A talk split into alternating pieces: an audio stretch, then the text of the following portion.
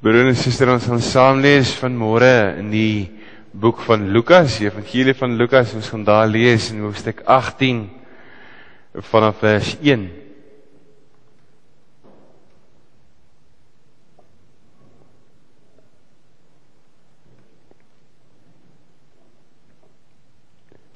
Voordat ons saam lees, kom ons bid saam. Here wat 'n voorreg is dit nie om saam 'n Bybel te kan oopmaak as gemeente, as gelowiges en saam voor U te kan kom kniel en te kan vra Here, breek die woord vir ons oop. Here in 'n diepe afhanklikheid kom vra ons U spreek Here. U kinders luister. Amen.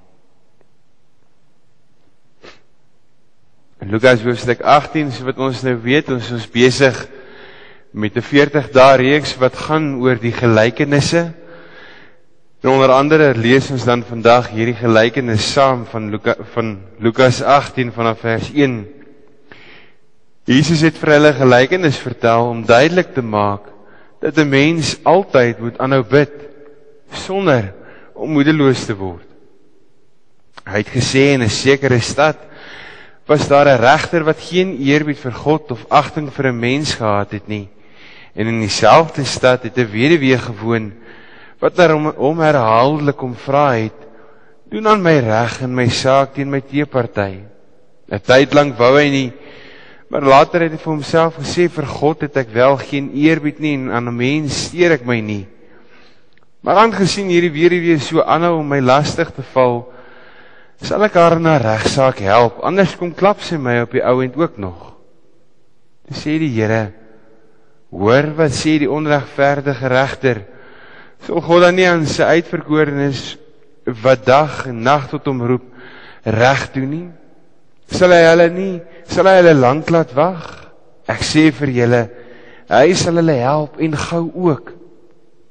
Maar sal die seun van die mens by sy koms nog geloof op aarde vind. Tot sover ons skriflesing van môre. Christus kom in hierdie gedeelte en hy vertel hierdie gelykenis om die disippels te bemoedig. En hy gebruik 'n voorbeeld uit die regstelsel van die tyd. 'n Regter goddelose regter, 'n liefdelose regter wat nie volgens God se wette of die wette van die tyd regtig optree nie en ook nie volgens die samelewing se wette nie. Ons sou vir mekaar kon sê eintlik is hierdie regter 'n korrupte een, soos wat ons nou nog redelik ook as ons praat van korrupsie, dan ken ons dit nog redelik goed. En Jesus kom in hierdie gedeelte en hy kontrasteer die onregverdige regter met dit wat ons van God beleef en dit wat ons van God ken. En in hierdie vergelyking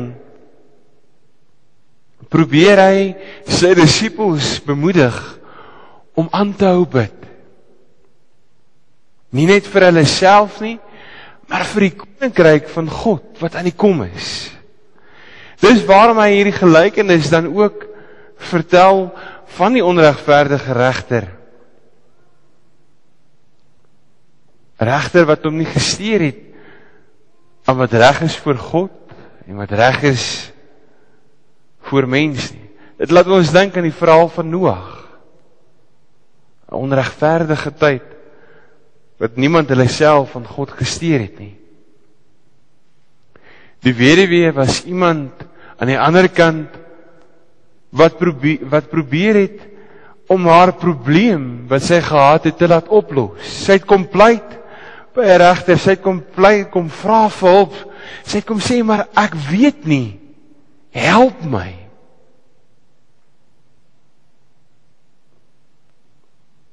En so het sy aangehou en aangehou en hierdie regter eintlik geen uitkom kans gee nie. Op die ou einde so wat ons lees in die verhaal wat Jesus vertel, het jy die regter op 'n onverwagse manier besluit, maar okay, ek is nou moeg vir hierdie. Eintlik is ek nou moeg vir hierdie vrou wat my die hele tyd kom lastigval. En ek weet nie meer hoe om vir haar nee te sê en ek weet nie meer hoe om haar te vermy nie. Ek weet nie meer hoe om haar eenkant toe te skuif nie, maar kom ons help haar nou met dat sê nou my, my net nou maar uitlos. Hoopelik gaan sy dan weg en kry rustigheid. En dan kom Jesus in hierdie gedeelte en hy lê hierdie gelykenis uit En hy begin die, in die gedeelte waar hy sê maar met hierdie aangrypend met hierdie woorde waar hy sê in vers 6 hoor wat sê die onregverdige regter sal God nie aan sy uitverkorenes wat dag en nag tot hom roep reg doen nie Die eerste punt wat Jesus uit die gelykenis maak is dat God nie soos die onregverdige regter eenkant staan nie, maar dat hy toetree, dat hy deel word van die verhaal, dat hy ons kom toevou in sy teenwoordigheid en sy liefde. Hy is immers die een wat juis vir ons as ons die Bybel lees, kom sê maar dat hy die regsaak van die weduwees en die wede en die dryf dat hy vir ons kom sê maar hy's by ons. Hoeveel te meer in die saak van die sy uitverkorenes sê hierdie gedeelte vir my en vir jou sal God nie toetree nie. Die tweede punt wat Jesus in hierdie gelykenis kom maak is juis die vraag heel aan die einde maar sal hy nog geloof vind as hy weer kom 'n vraag wat 'n ou so oomblik laat stil staan. 'n Vraag wat vir my en vir jou eintlik tot stilstand roep. Die gedeelte sê aangrypend maar sal die seun van die mens by sy koms nog geloof op die aarde vind? Sal ek en jy nog volhard? Sal ek en jy nog aanhou? Sal ek en jy nog bereid wees om te vertrou of het ons iewers langs die pad net besluit maar dis nou genoeg. God luister in elk geval nie. Die Here is in elk geval nie teenwoordig nie. Die Here reageer nie.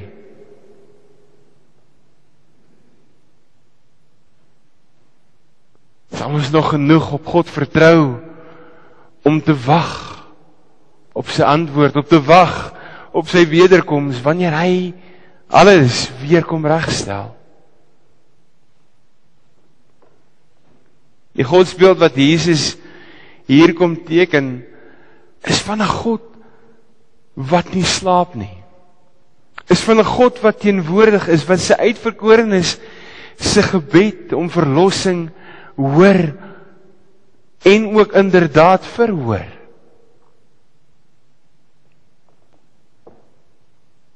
Hy sal die saak regstel. Dit is wat die Griekse frase beteken. Hy sal dit kom regstel. Hy sal dit op 'n manier kom wraak nie, my kom sal dit in herstel bring. Die vraag is dis nie of God sal optree nie. Die Here sal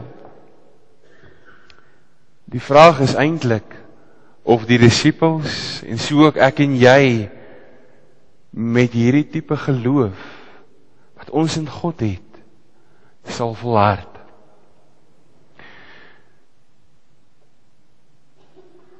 Dis 'n logiese vraag wat ons moet vra. Is sal ons volhard tot die einde? As ons nou ons eie lewe kyk, nou ons eie situasies, kan ons 'n klomp verskillende goed sê wat met ons lewe gebeur. Kan ons op klomp verskillende goed aanwys en aandui waar God teenwoordig is.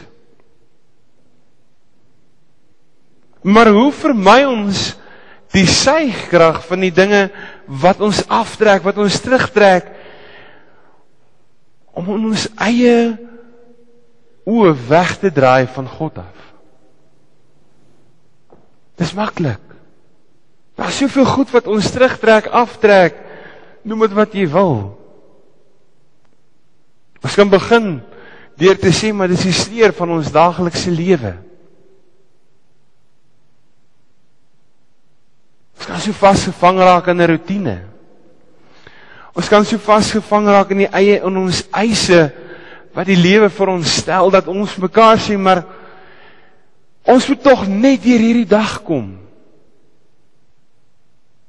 Ons is altyd hierdie ding van is amper naweek. Ek weet nie wat maak 'n naweek soveel meer spesiaal nie, maar is amper naweek. Ons jaag deur die lewe, die eise van die lewe om net by 'n punt te kom en te kom sê maar wat het ons gedoen?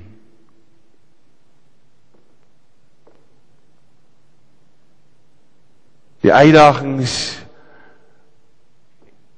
van die week, die uitdagings van ons lewe trek ons af in hierdie wêreld in. So kan ons ook aan die ander kant mak, gemaklik raak met ons situasie. As ons dink in die Bybel is een van die mooi verhale wat dit vir ons kom vertel is is die verhaal van Lot se vrou wat die wêreld lief gekry het.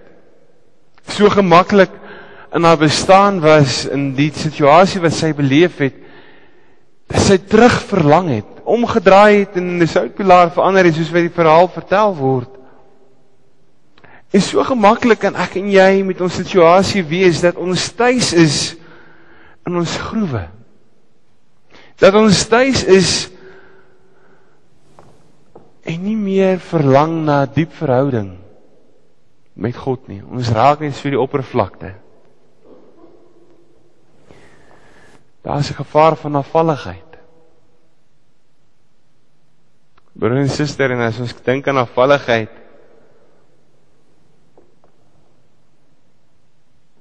dan leef ons as ons praat van afvalligheid asof God nie meer bestaan nie. Jy kan jou lewe volgens 'n ander ritme as God se begin leef Dit wat God van ons vra is nie meer belangrik nie. Dit gaan oor myself, dit gaan oor my wêreld wat ek beleef. Jy kan jou naaste op 'n manier vir ander prioriteite inruil. En een van die grootste gevare wat ek en jy mee te doen het vandag is moedeloosheid. Ons kan so afgesloof raak, so vasgeval raak in die krisisse wat ons beleef. Jy kan so wegteer in die situasies wat ons toefou. Dat jy vergeet maar God is teenwoordig. Dat jy vergeet wat van God wat vir ons kom sê, maar hou aan. Ek is daar. Hoor Hoor wat ek sê, ek is 'n regverdige God. Ek is 'n God wat jou bystaan. Ek is 'n God wat jou my krag en my liefde kom gee. Ek is 'n God wat jou kom toefou in my teenwoordigheid. Daarom hoor ons hierdie woorde van 'n gelykenis wat ek en jy aangespreek word om te volhard in gebed waar ek en jy opgeroep word om aan te hou glo. Waar ek en jy opgeroep word om nie op te hou nie, om nie moedeloos te word nie, om nie tou op te gooi nie, noem dit wat jy graag wil. Maar broer en suster, die punt bly dat ek en jy sal volhard. Dat ons in 'n verhouding met God sal staan met die wete dat God reageer. Dis sy belofte, hy sal Maar mag ek en jy aanhou. Mag ek en jy volhard in ons geloof. Ons moedeloosheid in tye van onrus en onreg kan net getroof word deur 'n voortdurende volhardende gebed is soeke na God. Dis al hoe ons staande kan bly in ons situasies is as ons na God draai. Dis die uitnodiging van hierdie gedeelte. Juis dat ek en jy sal beleef, sal sien maar dat as ons dag en nag tot God nader, tot God roep, die Here reageer. Die Here vra van my en van jou opregte verhouding. 'n Verhouding wat ek en jy sal volhard. 'n Verhouding wat ek en jy in ons gebedslewe regtig op hom sal fokus. Waar dit nie gaan oor ons eie wenslysie nie. Maar dat ons tot God sal nader met 'n opregte hart. Om soos Noag in te tree vir 'n goddelose tyd. Om soos Abraham voor God in te tree vir 'n sedelose tyd. Waar Abraham kom sê, "My Here, as daar tog net 50 was. Maar Here, as daar tog net 45 was." En so gaan Abraham aan. Soos die vrou wat aanhou pleit by 'n onregverdige regter tot 'n finale antwoord kom. En die vraag vir my en vir jou vandag is jy is hoe ernstig is ek en jy oor dit wat rondom ons gebeur? Hoe ernstig is ek en jy as ons dink oor sonde in ons eie lewe? Hoe ernstig is ek en jy as ons dink oor onreg? Maak al die sonde en die onreg ons bloot net sinies? negatief met die gevoel dat ons in elk geval niks te kan verander nie, so dit moet nou maar net aangaan. So het ons mekaar gesê, daar is soveel afvalligheid, daar is soveel gebrokenheid in hierdie wêreld dat God vir ons as gelowiges is sy kinders bymekaar bring om te bid. Daar's 'n diepe behoefte na gemeenskap, daar's 'n diepe sug na geregtigheid. Maar broer en suster, mag ek en jy volhard as liggaam van Christus. Mag ek en jy as gemeenskap van gelowiges mense opbou en oproep om terug te draai na God toe. Mag ons ons kinders leer. Mag ons ons kleinkinders leer om terug te draai na God toe, om God te aanbid. Mag ons bid vir bekering. Mag ons bid vir 'n land. Broer en suster, dis wat die Here vir my en vir jou ook kom sê in die tyd dat ons sal vasgryp met die wete dat hy teenwoordig is, met die wete dat hy sal antwoord. Mag ek en jy volhard in gebed. Mag ons antwoord wees dat ons sal bid. Want ons weet God sal reg laat geskied. Amen. Ons lê die oë dan bid ons saam.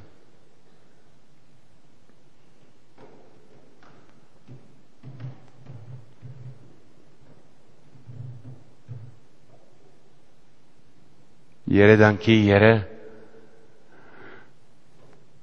vir hierdie oggend.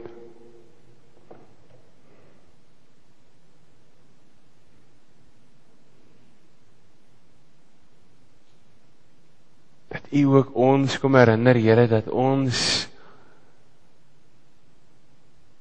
as geloofsgemeenskap Here die liggaam is U liggaam. Dat U ons oproep Here om op te bou. Dat U ons oproep Here om uit te gaan, dat U ons in hierdie wêreld instuur. om te volhard in ons geloof, om te volhard in gebed. Here dat ons sal bid, Here vir genesing, dat ons sal bid, Here vir bekering, dat ons sal bid vir herlewing. In 'n tyd dat ons so maklik meegesleer kan word, in 'n tyd wat ons so maklik moedeloos kan word, in 'n tyd wat ons so maklik afvallig kan word. Wat ons so maklik net gemaklik in ons lewe kan wees. Here dat ons stroom op U sal volg. In spite van dit wat gebeur het, in spite van die wêreld wat ons wil aftrek. Here kom bid ons en ons kom vra U U krag en U genade. Ons kom bid U Here dat U ons sal toevou in u groot liefde sodat ons dit ook sal uitleef in hierdie wêreld. Ons kom bid dit en ons kom vra dit Here in u naam. Amen.